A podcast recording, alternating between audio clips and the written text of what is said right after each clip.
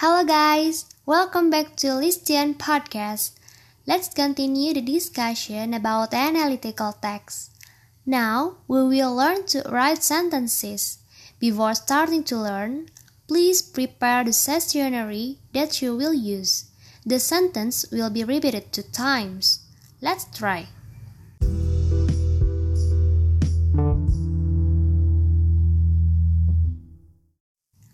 Please listen carefully. Number 1. Let's learn English with Steven. Number 1. Let's learn English with Steven. Number 2. The teacher told us to run around the field five times to warm up. Number 2. The teacher told us to run around the field five times to warm up. Number 3. I have beautiful friendship with them.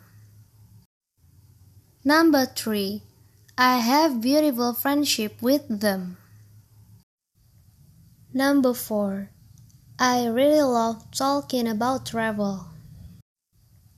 Number 4. I really love talking about travel. Number 5. I will find your smartphone as soon as possible. Number 5. I will find your smartphone as soon as possible.